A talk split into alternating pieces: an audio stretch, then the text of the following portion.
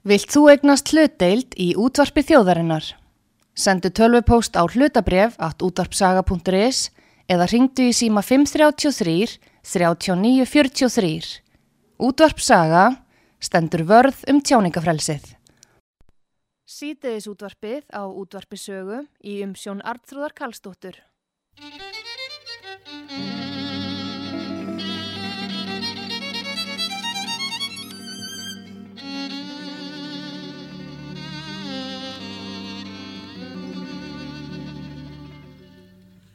Til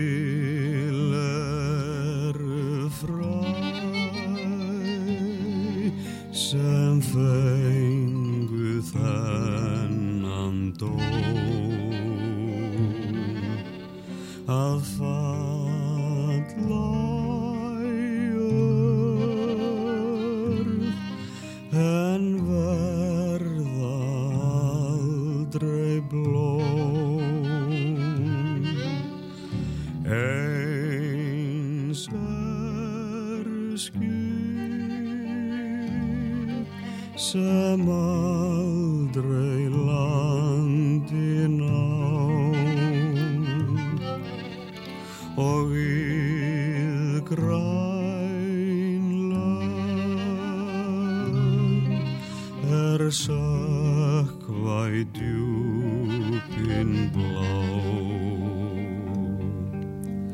og von sem hefur vangi sína mist. Og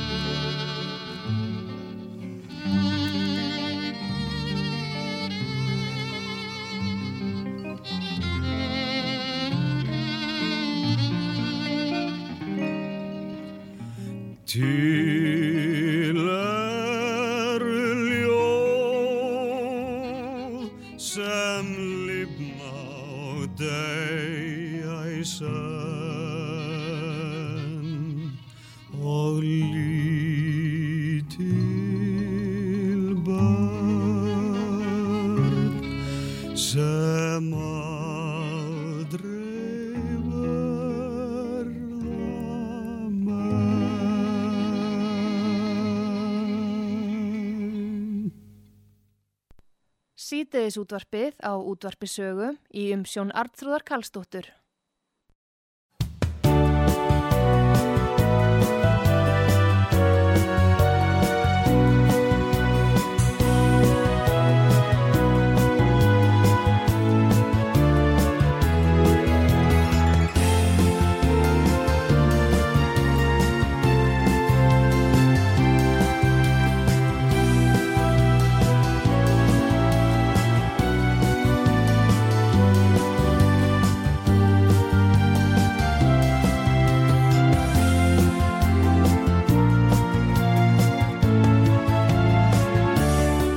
Komið þið sæl eh, fyrir hlusta út á sögu, Artrúðu Kallstóttir hilsar ykkur.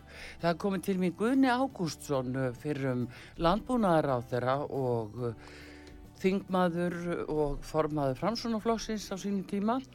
Það er að koma út bók sem heitir Guðni á ferð og flugi og það er nú bók sem að Guðjón Ragnar Jónsson skráði. Jóna, Jónasson. Jónasson skráði Já.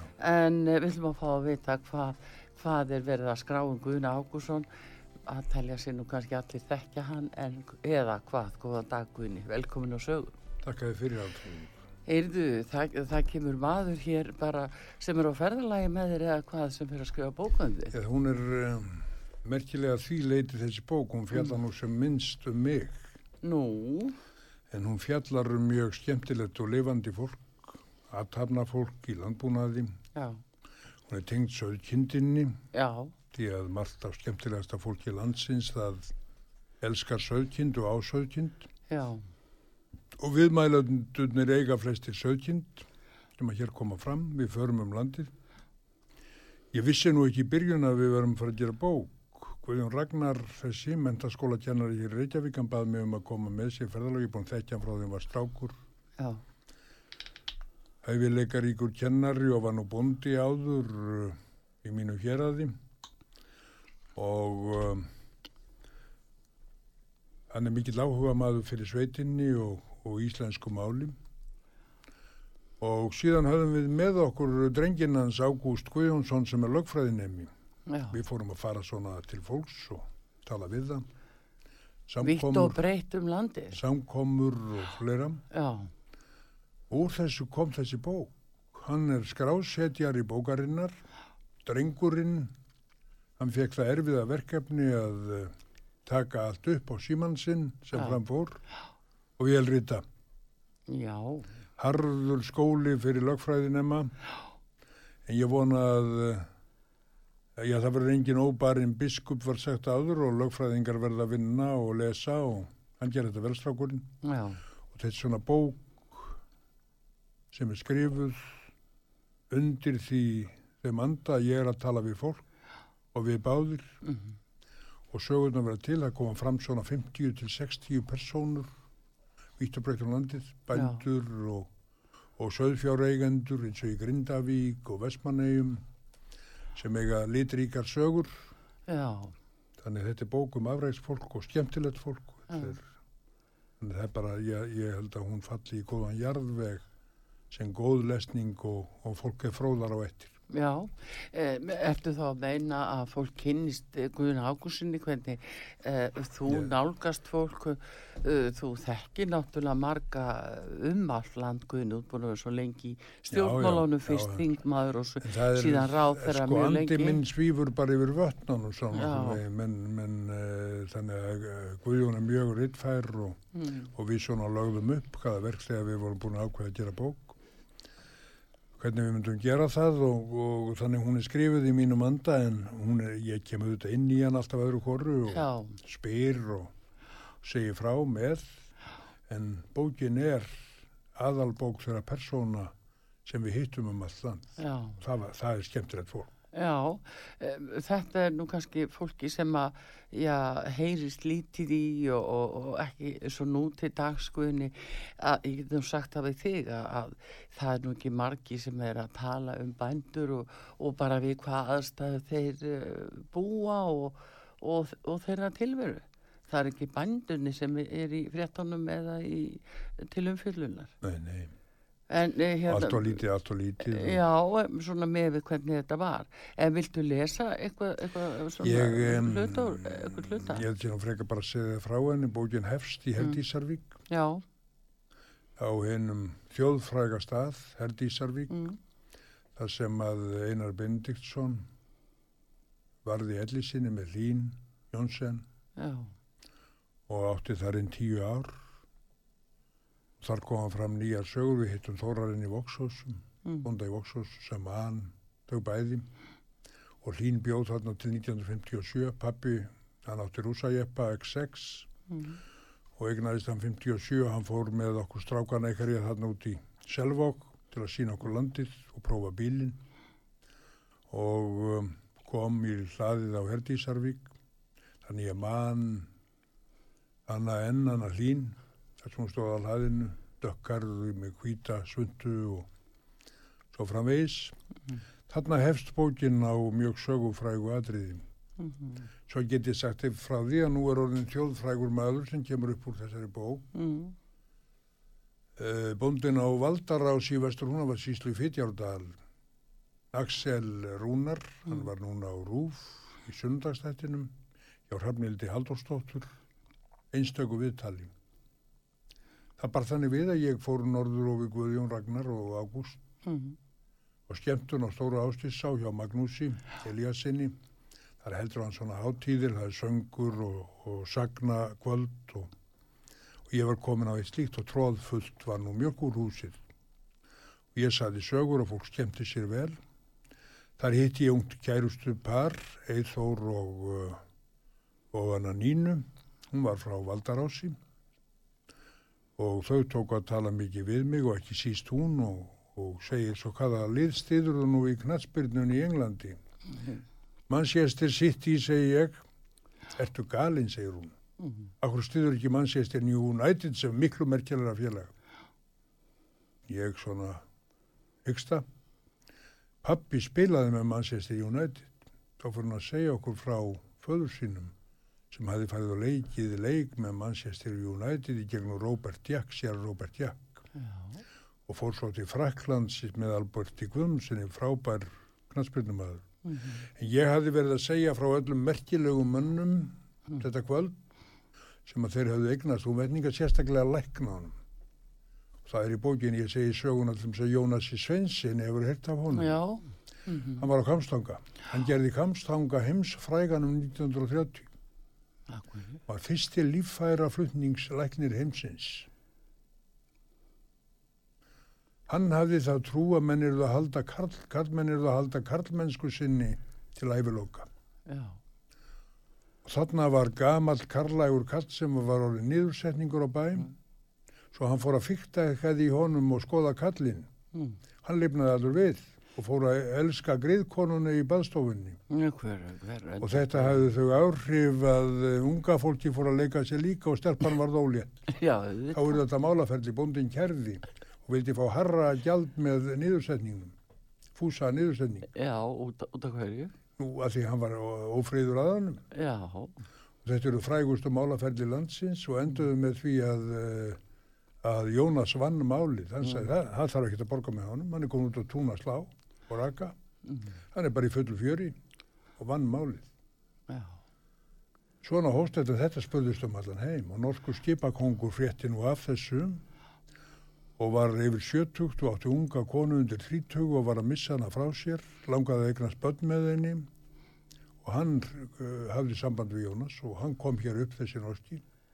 Þannig að lágu þeir tveir, hann samdi við ungan bonda, son, sem þráði eignast jörð um að hann myndi selja norska skipakonginum gullið sitt annað eistað já, og það var gert, hann, norski kipakongurinn borgaði jarðarverð fyrir það.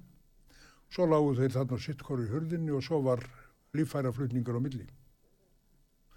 Ímyndaður, og ímyndaður Alfrúður, hann skrifaði bref á hverju ári, átti eitt barn á hverju ári með sinni konu fram yfir átt trætt.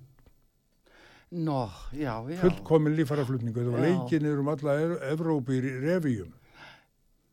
Þjóðfrækt. Þetta var fyrst, þetta var magnaðist lækni sem þeir hafa haft. Já, Ég fór að segja frá þessu og já, Svo gat ég þess náttúrulega næsta Kári Stefánsson hefði verið þarna magnaður læknir en hann hefði nú orðið leiður á húmvetningum eftir eitt eða tvö ár og viljað fara og, og sett mikinn svip þarna á hamstanga þegar mjög eftir hann menn, ungu manni og glæsilegum. En þegar hann kvatti þá fann ég þessa vísu þarna meðal húnvetningana í þessari ferð eftir Kára, all, eða talin mér eftir Kára. Allar þessar kerlingar og klemdir puttar dóp Kristján Sullur, Pétur Feiti og Hanna, svo löngum gnýr í sálminni sem heljar mikið hróp að halda aftur söður á land til manna. Svo fór hann söður. Þá kom Þóraðin Tyrfingsson já. Og drakk, drakk eitthvað en vatn með húnvetning, annað en vatn með húnvetningum. Nei, nei, nei, nei. Svo kom besti borgarstjóri þessar aldar Ólafur F. Magnússon. Mhm. Þannig, Ég gleymi að minnast á Róbert Jack, prestinn, þjóðfrægamann. En ég finn í samtalinu við Nínu að það er eitthvað sem vakir yfir okkur. Já. Og hún segir fyrir rest, þú verður að koma að hitta hann pappi í fyrramálinu, fárveikur, með krabba megin, kemur í morgunkaffi. Nú segir um, hann frá því Axel Rúnar og morgunin eftir klukkan tíu síðan hvað þrýr menn ganga frá bílnum, nei fjóri menn og einn af sá sem fremstur ferir með hatt og hann sér að þetta er Robert Jack. Svo hverfur sínin og við höfum bara þrýr. Svo komum við inn og þá fyrir hann að segja okkur sína sögu frá fótbolta áranum og svona rauna sögu mhm, um, hann var uh, fóstursonur á bænum, það mátti aldrei, það mátti ekki vita fóröldum sína móður eða föður, fann svo móður sína síðar og föður ekki fyrir hann var orðin 50 Þannig þetta reyndi mjög á, hann var uh, tilþrifarík frásögn. Já, og ég hvatti hann til þess að opna svarta kassan og skila skömminni og hann þakkar mér þetta núna kærlega og er segist vera frjáls. Þannig að þessi ferð hafi mikil og góð áhrif. hvernig þá frjáls? Já, hann, hann fór að tjá sig. Já, Hann tók upp úr svartakassanum örlög sín og sorsauka í lífinu.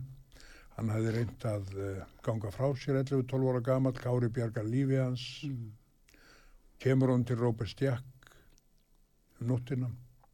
Hann fer með hann heima á Valdarás og Róbert Stjakk og tala við foreldran sér hvað og vissi hvað það var mikið efni í knastbyrnumann mhm, og síðan er að gefur hann honum gjafir og segir honum að svona laga megi ekki gera á kristin hátt Guð ráði einn. Menn megi ekki taka fram fyrir hendurnar á honum. Og, og þetta verður til þess að uh, drengurinn hann tekur gleði sína lagður í einelti skólanum Mhm. að því að hann var tökubann vissuðu allir nema hann já, Þetta er örlagarík og merkjuð saga og endar með því að Róbert tekur þennan, uh, má segja, vildar vin eða hálgerðan, hann er hálgerðu Guðfæðir hans, já, fer með hann til Englands og Albert Guðmundsson til Fraklands. já. Þannig að þetta er mikil saga en þetta, þetta gerist í þessum ferðum okkar. Mm En hugsaði samt Guðni þannig er þetta að lýsa sko kallmanni og ég tek nú sérstaklega fram að, að það er kallmaður sem þú orðar á segir að skila skömminni og að kallmaður sem fyrir að tjá sig. Em, Ég segi þetta vegna þess Guðni að það er svo lítið gert ráð fyrir því að kallmenn sé að tala um það hvernig þeim líður. Þeir, það, þeir eru að bara vera stórir og sterkir og, og þeir eru að þegja, þeir eru ekki að kvarta, ekki að tala um tilfinningar. Þetta mikla, harka allt fótbol, af þetta mikla fótbolta efni mátti ekki á fóstur föður sínum leika Mm. fótbolta, hann hafði en- enga hann áhuga því, hann vildi bara drengur niður bóndi. Já, Nú svo var það dásamlegt núna að vera meðal skakfyrðinga af því að Geirmundur Valdísson er í þessari bók, já, segjum hans sögu, hann er búin að spila og, og leika fyrir dansi í 65 ár. já, já. Fært varir, fært varir að vörum og vanga, vanga í, í vangadanslæginu. Uh, ráði fleiri, komi fleiri hjónaböndum í kringaldur en okkur prestur. Já, já, Við ákvaðum þegar við tölum við hann í vor að færa honum gjöf í nafni aðdáanda hans, söfnum peningum og núna fórum við í Kakala-skálan, þannig magnaða Kakala-skála, Sigurðar Hansen á Kringlumýri, þar sem störlungana er minnst og þeirra miklu sögum. Það var tróðfull sunnudagsmessa hjá okkur þar núna fyrir tíu dögum. Mhm, og þá ég fekk Germund til að spila á harmonikku þau mættu bæði Germundur og, og hans góða kona og Anna, sonur. Já, já, og voru með okkur. Og fullur skálinn og Germundur spilaði en samkoman hófst á því að hann fór að kynna bókina að Bjarni vinnu minn Maronsson hm, og Kolbeinn sonur hann sem er kallað Kolbeinn Unga mhm, að þeir gengu inn með glæsta hrissu inn að gólfið í kakalaskala og ég ávarpaði Germund, þakkaði mínarfu sérstaklega fyrir hvað hún hefði verið mild við Germund að hleypa honum um hverja helgi, tvö kvöld, um hverja einustu helgi til þjóðarsinnar til að gleðja hana, gefi þjóðinni svona mikla hlutu deild í kallinum. Það var dýrmætt. Mhm, og færði hann svo þessa hrissu að gjöf já. sem er konungsgjöf hrissan. Já, já, já. Hún var undan, hún er undan glaum sem var fættur á germundastöðum og germund langaði óskaplega eignast þau gen aftur, hann átti ekkert undan glaum. Þetta var óskaplega hátíðlega stund. Já, en uh, hérna Geirmundur samt, hann var söðfjárbóndi Hann er, og er já, ennþá já, já. og þetta Hann er rossabóndi og söðfjárbóndi. Já, svo var hann líka sem aðal fyrirhyrðir fyrir kaufla já, skakfæringa já, þannig að hann var bæði með skeppnur hann var að vinna Já. og svo líka að spila út um allt. Hann var, var þrefaldur eða fjórfaldur. Já, Hljónsveit Einn með hann, er sko. hann, hann er búin að reka sko, hljónsveit Germunds Valdíssonar hún hefur starfað í 50 ár. Já, stundum var hann með eitt batteri hér fyrir sunnan og annað fyrir norðan. Annað fyrir norðan já, já. og kerði um allt landkallinn og svo var hann þar áður í Róm og, og Geira. Mm. og gott ef hann byrjaði ekki í Ferguson bandinu þar voru nokkri skakfylgi strákar sem hefði svo mikið áhuga á músika Mhm. þeir koma á Ferguson. Þeir höfðu ekki bílpróf já, til að spila á ballon. Þannig að hann á en- merkjað að sögu og mikið þakklæti hann germund og já, heldur betur alveg frábær og skila lögum í Eurovision og hann Já. allar ekki til útlanda nema hann vinni Nei, en er hann allar hann að skila núna í ár? Hann, hann Já, ég vona því þá kemst hann til útlanda ef hann vinnur Í fyrsta skipta æfinni, Já. já. já. Er nú. þetta er mikil bóndi, mikil Já. bóndi og rektornamaður Já, og náttúrulega einstakur fjehyrðir í þessu mikla kaufélagi já, var gjaldkjær í kaufélagsins og uh, sáum margt á þeim vettvangi já, heldur betur. Og söngurinn er nú þeirra mál skakverðingar Já. já, það er nú sagt um skaperinga en það eiga er eh, mjög góða og Þarna mætti, þarna mætti Já. bóndin á Valdarossi, Axel Rúnar og saði sína sögum. Já, Svo saði hann, ég er hinn tindi sonur Skagafjörðar. mm, Ég fæður minn er hann Siggi Vill. Þá dundi bara klappið. Já. Þá þekktu náttúrulega allir Sigga Vill. En það ekki hugmyndum að hann ætti þennan dreng. Nei, Hann byrja í Keflavík núna, já, já, lífsglæður og kátur maður á sömarhús. Ættaði frá já, já, Þannig að þetta var mikil hamingju stund þegar heimtuðu þennan tinda son á ný. já, já, Þeir voru tilbúin að slátra aðlik hálfi á fagnáðunum skagferðingandi, þeim leið svo vel á hann. já, það er ekki En döfis. hann er frjáls. Já, en hann er frá sem þú segir, en, en Já. sjáðu Guðni samt auðvitað þennan tíma sem þú ert að lýsa að eh, þarna var, eh, börn voru ekki endilega feðruð og alls ekki rétt feðruð, Nei, ekki nú aldeilis, þetta er náttúrulega eh, sá tími sem að voru barnmarkar fjölskyldur, eh, já eins og þú þekkir, eh, hvað, 16-17 sískinni, þessum Já, já, en hvað heimurinn er lítill. já, Nú veit ég miklu meir um þetta mál. Ég fjóla móðir Axels Rúnars, mm, hún er selfisingur. Stjúpdóttir Greifs Ketilssonar vinna mín sem og þeirra hjóna sem ég heimsótti oft mikill hestamaður. já, Svona er heimurinn lítill en hún var að gefa þetta barn frá sér já. og er núna góð hestakona hér í Mótselsbænum Já, með sínu manni. En þetta urðu nú bara konur að gera, það var enga félagshjálp að var hafa. skrifað, það var skrifað og- undir það í gjafabrifinu og það mætti aldrei gefa upp hver væri fæðir eða móður. Var það, Já, það var þau að skrifa undir það. já. En hugsaði að það var nú líka guðni, það var nú talsett um framhjáhald og svona og já. koma við og það var nú svona uh, sko alveg frækt í sumum sveitum þar sem að, að menn voru taldir eiga uh, börn út um allt eins og var orðað. Og aldrei var það kannski feðrað og svona réttilega. Já, já, menn sá svip, voru menn- látni taka á sig Já, faðirni. Já, já, já, þegar prestarnir bönnuðu stelpur eða höfðingjarnir. Já, höfðingjarnir skulum við Já, segja. Mér að segja var fóstureyðing þess tíma, sennilega svona fyrir öll síðan, Mm. oft svo að senda dótturina í nám til Danmörkur. Það var ólum batni að það var gefið, Já, mörg dæmi um þetta. já, já, Það er svo margt sem fortíðin geymir já, og svo erum við öll börn okkar samtíma. Það er alltaf eitthvað misjant að já, gerast. en sjáðu samt Guðni hvað þetta er stutt. Ef Maður, sko, nú erum við, eh, til dæmis, þú ert nú eitthvað eldri ég, en það sama, að, eh, sérðu, við munum þennan tíma. Já, já, Þetta er nú bara ekki lengra síðan. og þekkjum mörg dæmi um það sem þú ert að nefna að, að menn voru rámt feðraðir kannski og menn voru, máttu ekki vita um föðurstinn eða móður, voru já, og svo framvegis og, og fremhjátökubönn, ég þekki mörg dæmi, þetta er lekfólk grátt Það Já. vilja allir vita um uppruna sinn. Ég það nú líkast til og bara bráð nöðsynlegt. Það sagði mér vinur minn Átni Jónsson Mm. að því hann er grískur í föðurætt. Já, Hann leitaði upp í föður sinn og fann hann. er átni í bókili? Nei, Nei, já, en við heimsóttum hann einmitt á þessari ferð. Ég Já. minnist á hann já. Já, átni fann uh, föður sinn. Já, já, já. Það eru, ímsi sem hafa, já, vaknaði. En svo fórum við um landið og Mm. hér við fórum í Vopnafjörð og, Mhm. og heimsóttum uh, glæsilegt fólk þar og í Þistilfyrði, Jóhannes á Gunnarstöðum. Já, Ég er nú sérstaklega gaman að koma að einarstöðum í Vopnafjörði. mm. Þar búa ung hjón. Uh, Biskupssonurinn frá Skálholti og Seðlabanka stjóra efnið Jón Magnús Sigurðarsson. Já, Ég man eftir honum litlum strák, sonur Sigurðar, sér að Sigurðar á Selfossi og Ardísar. mm. Þau fóru síðar í Skálholt.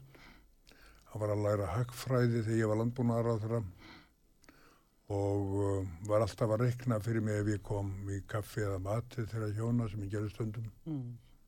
Það var hann að rekna fyrir mig hvað maður þurfti hann að þau hafði svo mikið áhuga á, á sögfjárbúskap og lambakjötu þótt þessu gott. Mm. Hann hafði nú þjónað um, vestur á Barðaströndi eða þar fyrir vestan Sigurður og, og uh, það, það var besta lambakjöt sem við fengið. Strákurum var að rekna og sagði að 1300-1400 ær til þess að geta lifað að þessu. Já, Svo lærir hann til Sælabankastjórn, verður hagfræðingur, mm. vinnur í Sælabankanum. Svo giftist hann þarna norður eða austur í Vormafjörð og er núna söðfjárbóndi á einastöðum. Mm. Landseti Radcliffs já, já, já, hámentaður maðurinn, hann er söðfjárbóndi og Mm. veiðivörður í Ofsá Mhm. þar sem að Karl Breitarsprins uh, veiti nú í mörg sum já, já, hann gerði það nú. og hann lærði til veiðimennskuna sem ekki áhuga þegar hann var á Selfossi að fylgjast með því hvað kom í netin hjá Selfossbændum eða fylgjast með stönginni hinum megin við ána. Já, hvað er vittu? Já, þannig að þetta er hans líf og indi já, já, já. og að búa með söðfi og konan náttúrulega já. snillingur í því En er á þá Radcliffe uh, jörðina eða? já, já, Já, já, við förum yfir það í bókinni já. En hvað er búin að kaupa uh, mikið af Já, það er nú í búið að stoppa það af, segir uh, Radcliffe, uh, ríkistjórnin hefur verið að vinna að því að útlendingar getur ekki keft upp landi svona alveg miskunnalust, Nei, búið að setja lög og reglur sem að takmarka það. já, Þannig að hann á minna við heimsóttum svo hinn Jóhannes og Gunnar Stöðum, já, bróður Stengrims, já. Já, fjóla já, var nú ekki heima, já, en hann býr við, bjóð þá við það að Radcliffe átti, já, húsið hann stendur eiginlega á tveimur jörðum. hann var út á nesinu. Já, það er- það er svona auka jörð sem þeir eiga á Gunnarstöðum áttu, Já, fjölskyldan. Hún var seld, þannig að hjóna, ég segi Jóhannes alltaf til að strífið á honum að fjóla sofi auðmanna megin, rættlifsmegin í einmitt. en hann eh, meðal fátækra söðfjárbænda. já, já, já, En þau rættkleif kifti þessa jörð og þau bara vöknuðið morgunin, þá var það búið. Ég er að vona að það sé nú að komast í lag. já, og þeir leysið hann úr Stengrimur fórseti þingsins og Jóhannes að semja við Radcliffe. Já, já. Því hann segist nú ekki vilja rekja menn á Íslandi og vilji, vilji fara lögum og reglum. Já, já, Þannig að þeir hafa nú samið annað eins. Í- eh, jú, heldur betur og það er svo tökum á einum auðkýfing, Stengrimur og Jóhannes saman. Já, það, það líka sko einmitt á þessu landsvæði kunni að hverju leggur það svo mikla áherslu á vopnafjörð og þetta landsvæði og landgrunnið. Já, Hann er í rannsóknu þar með og fekk styrk og, og kom með, með fiskistofu og, og þannig að eh, þannig að þetta er svona eh, áhugavert upp á alla framtíð hvað, hvað erum að vera þarna raunverulega. hann verðist er, sko, það er náttúrulega tvennum sögum sem gengur sem um eitthvað þetta um líkar vel við hann og finnst að vera að gera mjög merkilegt bæði kringum lagsinn og náttúruna. Mm. Svo hafa menn áhugjur hvað gerist í næstu kynnslóð og hvernig fer með þetta land? Já, og, og enn fleiri eru við hjartað framsóknarmenn eins og ég mm að þeir vilja Ísland, Íslendingar eigi í Ísland Já, en þar erum við nefnilega komin að svolítið vandasömu máli vegna þess að þetta er náttúrulega mjög verðmætt, verðmætt landsvæði með hlýsjón af norðursjávaleiðinni Já, já. sem að opnast nú fyrir og þá verða þetta sko fyrðirni fyrir austan og á langanessinu, mellaklasléttan, allt þetta svæði, öksafjörðurinn jafnvel, að þá verður þetta orðið svo verðmætt og sem um, umskipunar hafnir. höfn, höfnin í Finnafyrði Já. og ef hún verður að veruleika. Já, kínverjar sá sem ætlaði að kaupa nú, já, grímstaði á sínum Núbó. já, núbó. Já, já, það er nú aldrei, þetta er allt og plana. rætt hlif kifti svo það þetta er það sem menn hafa áhyggjur af. Já, en þess vegna sagði þessi ungi biskupsson og veiðibóndi hann sagðist vera bæði söðfjár og veiðibóndi en það sem væri mikilvægasta ríkistjórn landsins og þjóðin gerði sér grein fyrir því hvernig ætlum við að eiga þetta land og hvernig ætlum við að nota það. já, Ætlum við að standa við okkar landbúnað og styrkjan mhm, til þess að landið sé byggt. akkurat. Um, ef við ekki gerum það þá töpum við landinu. Þess vegna er ekkert mikilvægar en að halda byggðánum við og að fólk geti búið, ég tala um í nútíma tækni þegar ljósleiðarinn er komin Já, uh, kona uh, hérna bóndans á einastöðum, hún var á fundi allan tíman sem við vorum að ræðum komandi sumar og sláturtíði haust held ég við, við sveitamenn bara gegnum síman. já, jú. Það er allt þetta orðið hvað sem maður er stattur í landinu. Já, já, en fundi svo á í- í- sama tíma hugsaður einmitt, þú segir þetta Gunni, að framsóknar maður sko að holda á blóði, að eh, sjáðu samt núna bóðskapin sem bara framsóknarmenn eh, standa frammi fyrir að það er að hætta kjötneyslu í landinu. Þetta eru skilabóði sem við fengum frá loftlags ástefninni. Hætta bara uh, hérna, uh, kjöt, kjöt, afurðir. Hætta hérna, stórgripa ræktun og hætta lampinu. hugsaði nú rugglið. Hvað segja framsóknarmenn við þessu? Nei, hvað, þetta er náttúrulega öfga fólkið, þið lætur ekki að sér hæða. Nei, Við erum hér með uh, búfjannað sem að, já, íslenska kýrin er nú fann að mjölka yfir upp í 12.000 lítra á ári og 8.000. Hún er hagkvæmasta kýr heimsins, miða við nitt Já, og uh, söðkindin hefur lifað hérna í þúsund ár. Þetta er ekki okkar vandamál. Við, við stöndum jafnvel frammi fyrir því að verða framleiða miklu, miklu meiri mat í að uh, nú er talið að margt geti gerst í þeim efnum því það vantar áburð og áburða verði að verða ha- hátt og orku verði að vera hátt. Þannig að við eigum hér gríðarlega möguleika og auka landbúnaðin til að fullna í okkar markaði og jáfnvel selja út sem við höfum verið að gera. mhm. Svo erum við að tala um svona að, atriði. Já, þú sér bara hvernig ástandið er Og við erum, í Arþrúður, heiminum þú mátt, ekki glima því að, að það er aldrei talað um það af þessu aukafólki að við erum 90 eða 95% græn hvað orku varðar. Betur. grænasta landi í heiminum Já, og eigum að njóta þess. Evrópusambandi við erum 95%, Já. eða 90-95%. já, Evrópusambandi er reyna að stefna því að ná 30%. mhm. Svo erum við alltaf við, eins og við séum sakamenn. Nei, við erum líka látið borga svo fyrir einu. Hér er, hér er herjólfur orðin rafknúin. Þú heyrir ekki í honum þegar, þú- siglir til eiga. Nei, Hann svífur eins og engill mhm. Með raforku. já, já, enda Gunni Og sko. svo er ekkert verið að spara. Hún getur ímyndað eitthvað að Margrét mín gerði á dögunum. Mm, Hún segist þurfa til Reykjavíkur. Ég segi hvað er það nú Margrét mín, hvað þarf það að gera? Ég þarf að fara í neglur, sagði hún. já, Mér síndist hún nú vera með fallega neglur þarna við morgun verða borði. já, Nei, hún fór til Reykjavíkur alla leið í Já. annað hér til að láta laga á sér neglurnar. Já, Þær voru þetta fallegri og eftir. já, já. En svona er nú bröðlið.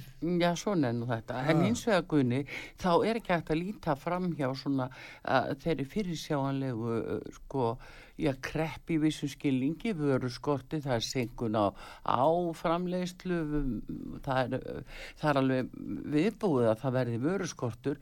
Við þurfum að gæta að fæðuöruginu sem þú hefur manna mest í stjórnmálunum, já, já. talað um í gegnum tíðina Já, já. og nú stöndum við frammi fyrir því að það er krafan um að við hættum kjötneyslu Við fáum þetta bara beint frá loftlasa á stefnunni og það sem meira er að fara inn í fjárlög og óhemju peninga núna, miljardar inn í, í til loftlasmála og til þess að við förum í það að, að uh, drepa stórgripastofnin og, og jafnvel bændur. Það er bara kjafta æði og menn Já, verða hvernig, bara, hvernig, hvernig Já. getur þetta gengið? þetta getur ekkert gengið, menn þurfa bara að fylgja heiminum og leggja heiminum gott til. Við erum fyrirmyndarþjóð, Já. við erum En fyrirmyndarþjóð. akkur við þá láta fara svona með okkur og skipa okkur fyrir? Já, við erum látið borga fyrir bullið. Við, við eigum ekki að taka svona þátt í því. Við Hvernig bara- getur framsókn þá í ríkistjórnum sem er vinstri græni sem hafa komið með þessa stefn?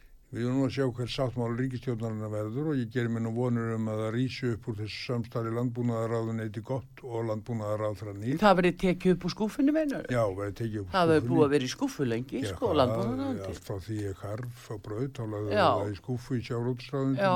og svo í atvinnuvegaráðundinu. En verður nýtt landbúnaðarandi? Ég vona það. Hver verður ekkert. Sigur Ingi? Ég veit ekkert, sko, þeir eru búin að sitja þarna fóringjarnir þrýr í átta vikur og trúnaðurinn og einlagnin er það mikil að það er ekkert frest. Það er af því að þau hafa ekkert að segja. Jú, jú, Nei, jú, jú. þau hafa ekkert að segja, Það er trúnaður, það er trúnaður, það er engin, engin þau ger ekki annað en að þeia bara yfir því sem aðrir eru búin að segja þeim að þau verða að þeia yfir. Þetta er nú snildin sem að röfundaði allaf.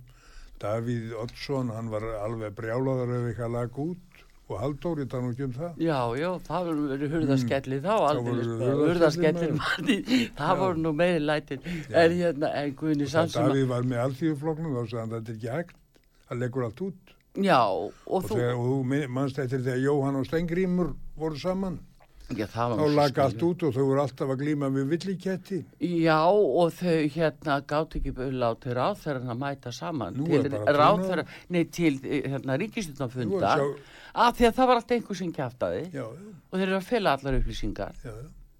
Hugsaðu hvað þetta breytti tímar og svo Birgir Ármannsson stýrir núna þessari miklu upp uh, já, já, að fara yfir kannski rétt hann í norðvestur kjöldæmi já, hann er búin að taka í það margar vikur með einum manni og hverjum flokki.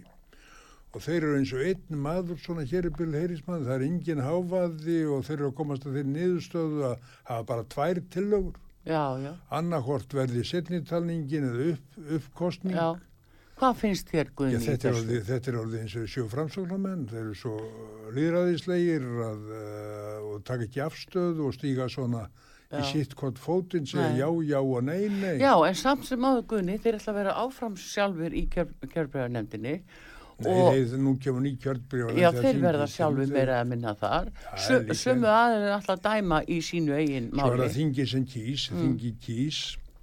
Já, Þannig ég vona að það leysist nú en, um, en svona er þetta nú. en Guðni er þetta samt ekki óþarfa, þetta er ekki búið að taka óþarfa langan Allt tíma. og langan tíma, það má ekki vera lengra. Og svo uh, segir ríkistjóðin, nei, heyrði það verið stuttur uh, sáttmáli hjá okkur og um hvað voru þau þá að tala?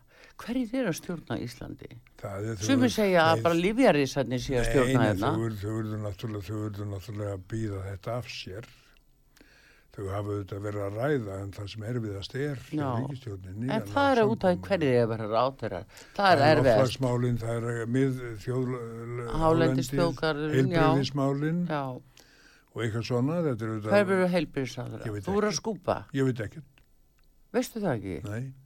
Erðu við skulum gera hlið fyrir öllusinga, ég ætla að tala við þig í hliðinu. Já. Við komum aftur við Gunni Ágússon, hinn eini sanni uh, fyrir landbúnaðar á þeirra og formaður framsunaflokksins, þingmaður í mörg mörg ár, við erum að tala um bókina Gunni á ferð og flugi og þetta fyrir við aðeins á ferð og flug fram hjá því... Víðan eh, völl, víðan völl. Já, komum aftur þetta skamma stund.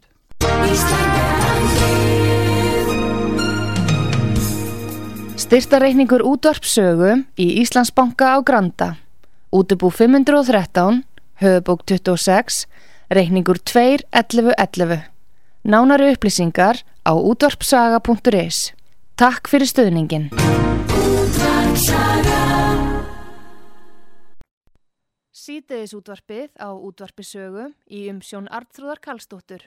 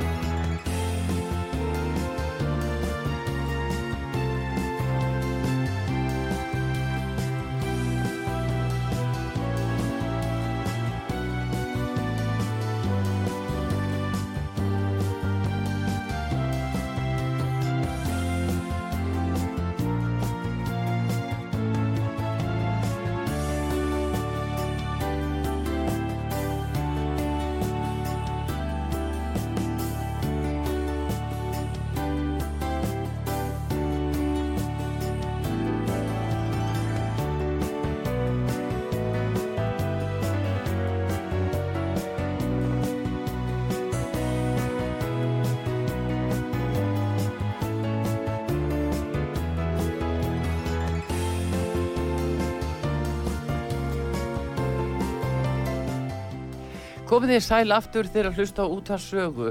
Artrúðu Kallstóttir að tala við Guðna Ágústsson fyrir um landbúnaðar á þeirra og formann Fransunaflossins og þingmann til margra ára. Það er bókin Guðni á ferð á flugi sem var að koma út og, og verður eila jólabókin í ár því að eh, ef ég veit rétt að þá er, eru margar skemmti sögur í kringu Guðni Ágústsson og þeir heyri nú bara núna í þessu samtali að eh, hann er að, að koma víða við og, og hérna Guðni þú kannt svo sannlega að segja frá þó þú hafi kannski ekki billiris verið að gera það þegar þessi bók var til í þeim skilningi Ég endur að- svona kveikja bara gleði Já. og uh, frásagnar anda, já, búa til aðstæður þar sem Mm. fólki slakar á og skemmtilegt. mhm, Hér er til dæmis mjög skemmtileg heimsók sem við gerðum í þinn æskubæ, Húsavík. mhm, Við heimsóttum verkalýsleitóan, Söðfjárbúndan í Groppholti, Aðalstein Árna Baldursson, sem er ykkar frábærasti verkalýsleitói landsins. já, En um leið í rauninni aðtapnamaður fyrir Norðan því hann hugsar um kjör fólksins. já, Ég held þetta að missa að flugið norður uh, með herði í uh, örnum já, að við skila miklu fyrir fólkið, Já. semur. En hann er söfjárbóndi í Já. Sökjundina. já, Aftan á þessi, bó- þessari bók er til dæmis fræg mynd. mm, Það ég með hann eldingu. Elding er að þessu magnaða kyni, fórustu kyni. mm, Séðu hvað hún er mögnuð, menn halda þetta sé heimalingur, þetta er bara vits mun að vera. Og hún þekki landbúnaðaráðra sinn og heilsar, fyrirverandi og heilsar upp á hann, og er góð við hann. já, já, Og hún hefur mannsvit. Þetta fólkskinn sem fer fyrir liðinu, kallar það saman og uh, svona kindur koma með smalan úr ófærðinni og til húsa og heim já, og voru innst í króni, króni þegar vildu ekki að kindur fara út mhm, og fremst þegar vildu komast út. mm, Einstakur sögfjórstopp hvergi til annar staður í heiminum þessi kind. um, hvaðan er hún, segir við? Já, þetta er af íslenska stopninu sem já, Hvaðan hún er upprunni veit ég ekki.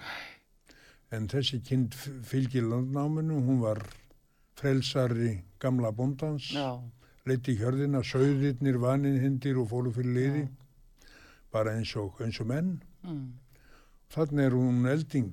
Aðalsteinn, hann býr í Groppholti. Það er mikið af svona og voru alveg gríðarlega eins og þú manst kannski. Á Húsavík, mm, hobbybændur, sem já, kallaðir eru, já, já, áttu afburða fyrir margir hverjir og hann heldur núna utan um þetta samfélag mm, aðalsteinn og gerir það með glæsi brag. Og eina sem ég undraðist ég kom á þinn, í þinn æskubæ, mm, það var að sjá hvað Húsavík er orðin blá. Lúpínan hefur yfirtekið allt já, eins og hönd frjálsíkjunar. já, Fjallið er blátt á sumrin af lúpínu. Já, og hún er svo mögnuð stundum að, og eitruð að eh, ef ég borða lúpínu þá bara líður yfir það. já. En beitilandi þarna náttúrulega í kring eh, það, það enn og þarna þar sem lúpíran er, miskustu fyrir þá sem eru á húsavík, en svo er þetta náttúrulega allt annað fram í aðaldal og í sveitónum. Já, já, já, já. eh, gríðarlega gott eh, beitiland ég veit að við áttum sko, ég nú flati á skjálfandaguðinni þú er Já, ekki já. komið þangað kannski Jú, jú, jú, en uh, við fórum með skepnunar alltaf á bát upp á Flatjadal Já. og það lifðu bara á berjalingi Já, það var ekki döðurvísi, það var nú bara alveg af lambakjötinu. lambakjötinu Já. og, og, og Þurfti ekki að áttum þurfti ekki að krydda einu nei, það var alveg stórkoslegt og, og við áttum óbáslega flottan hrút sem að með þess að Jón og Laxamín ég fekk lána alltaf af og til og ég sem bara skildi nú ekki út af hverju þetta að fá hann já. en svona var nú þetta Og í sjálfri, Já. það sem var nú ekkert besta fjö á Íslandi. já heldur betur Pappiðinn hefur verið magnaður. já alveg, svona var þetta En, En- en hann saði okkur til dæmis frá því sko hvað söðkindin er rík í mörgum þessum byggðum. Hvað heita nú hátíðadagarnir þarna á sumurinn hjá þeim á Húsavík? mærudagur. Mærudagar. mm Þá fer alltaf fram hrútasýning. já, já. Gríðarleg keppning er á besta hrútin. já, já, það er stórmál. Uh, það er stórmál hver á besta hrúti já, já, En það er samt, Eitt sem vorum við Margrét með um, þeim hjónum aðalsteini og hans konu út á Sólastrand ykkur mm, tókst með okkur mikil vinskapur. Hvað heldur hann hafi gert okkur? Hann stýrði eina gimbrina Margréti og einn er hútin Guðna. nei, Jú. já, já, já, Því það er nú séður manna að stýra húta sína í höfuðið á frægum mönnum. já, Kemur fram eins og Vestmannegingar, þar var Kennedy hjá Einari Betel já, og Khrushchev. Nú það hefur verið svoleiðis. Og hér voru uh, oft ráðherranöfn notuð þegar mikil á við og, og svona mannanöfn. já, já.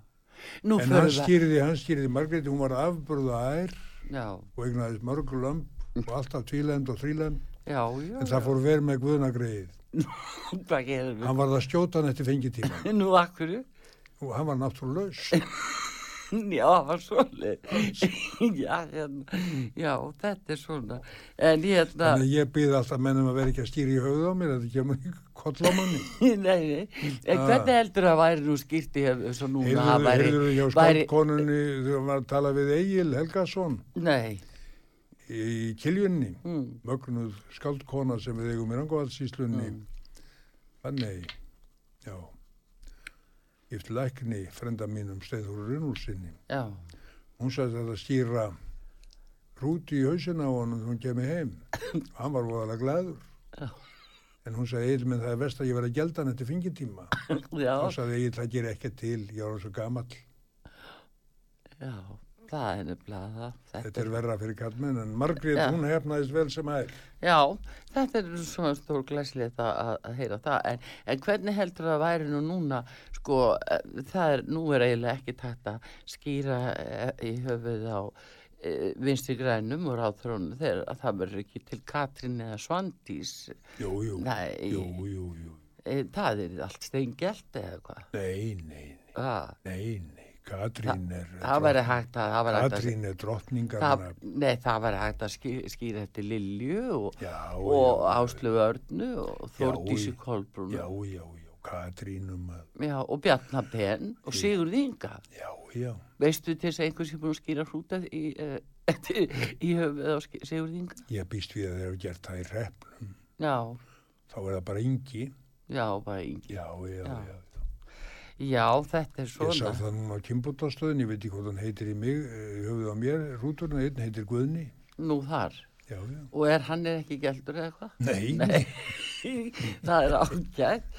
Já, já, svona. Já, já, þetta megum við nú, við megum nú ekki vera með svona glannarlegt talartrúður Já, þetta eru svona á bara eins og lífið. Já, jú, þetta er Ha. bara enn og engu að síðu, sko, ég er nú að vekja aðtegla á að hvað þetta er mikið, sko, inn í nútímanum þó að menn segja þetta var nú svona í gamla daga, sko, þetta er nú allt svo breytt og núna eru allir koni bara í tölfur og, að, og þeir eru orðinir ráftengdir út um allt, Já, já. allir orðinir ráftengdir Já, já. en svona að náttúru börnin eru á undanhaldi og það Já. er alvarlegt málguði. Já, já, já, já, mjög alvarlegt mál. Já, og ég hef mikla áhyggjur af, af bæði sögfjárstofni og, og hvað þá stórgripastofni með þessu áframhaldi. Hérna sérðu mynd af gorba mínum, hann er á Söðfjársafninu, Vindu? norður í Þistilfyrði, vaninn hindur gorbi. Hann, skýrði ég í höfuð á Gorbasjóf, magnaður fórtsögur, hann átti bróðurinn Jeltsín. Jeltsín brann inn í Eden. Eden já. kefti Jeltsín? og stoppaði hann upp. Já, Stóð alltaf í dittnar, já, en kaufélag ánæsinga kefti gorba já, og svo þegar það svona hætti starfsemi þá gáfum við gorba norður mm, á safnið, já, Söðfjársafnið. Já, en hérna segja fórsturhútur Gorbatsjó frá Brúnastöðum í Flóa. Já, já. Já, já, Þarna stendur hann tegnar í kind, já, já, já, vel hindur. já, vanið hindur, þetta var bara glæsilegt að sjá hann koma fyrir safninu. Mm, Þannig að, og þar, þar er haldið mjög vel utanum fórustu kindina. mm, E, skólastjórin tók að sér Daniel Hansen að koma þessu safni á fót. Þannig að kemur koma ferðamenn við og njóta þess að heyra af sögunni Þannig að þetta er, þetta er skemmtilegt. Já, þetta er frábær Svo fórum við náttúrulega um Suðurlandi líka við heimsóttum Guðrúnu í Bræðratungu, Já, álgerða Íslands sól, já, akkurat, já. því hún er fjallkongur, hún er ekki drottning, hún er fjallkongur, segir hún, tungnamanna. Já, Stýrir uh, fjalliðin, það eru bæði karlar og konur, mm, inn í Kerlingarfjöll Mm. og, og tungamönnum og elskar hálendið og gekk fram til baráttu gegn miðhálendi stjórgarði. Hún býr í Bræðratungu á höfubólunu sjálfu með kjartan í bonda, sveinsinni, stór bændur. Svo heimsóttu við auðvitað annan fjallkong, það var Kristinn Guðnason frá Skarði sem býr í ár, árbæjar hjálegum, fórustum að hestamanna lengi og og mikill sögfjárbúndi og, og uh, elskar hálendið og fer í frægar fjallferðir inn á landmanna afrétt. já, Þá kom útlendingarnir og kaupa sig inn í hópin. Það kemur um 86, og frá bókin kemur 86 ára gamalt útlendingur já, sem borgar stór fjett til að fá að vera í þessu náttúru undri að smala íslenska kindinni og fleiri og fleiri mm, útlendingar sem kaupa sig bara inn í þetta. já. Svo, þá... svo er komið ykkur kenning núna og umhverfis ráðferðan þessi, hann ætlaði að fara að setja reglur. Já, Og reglugerðum að engin kind mætti standi í 30 cm halla og engin fara herra inn í 700 metra hæð.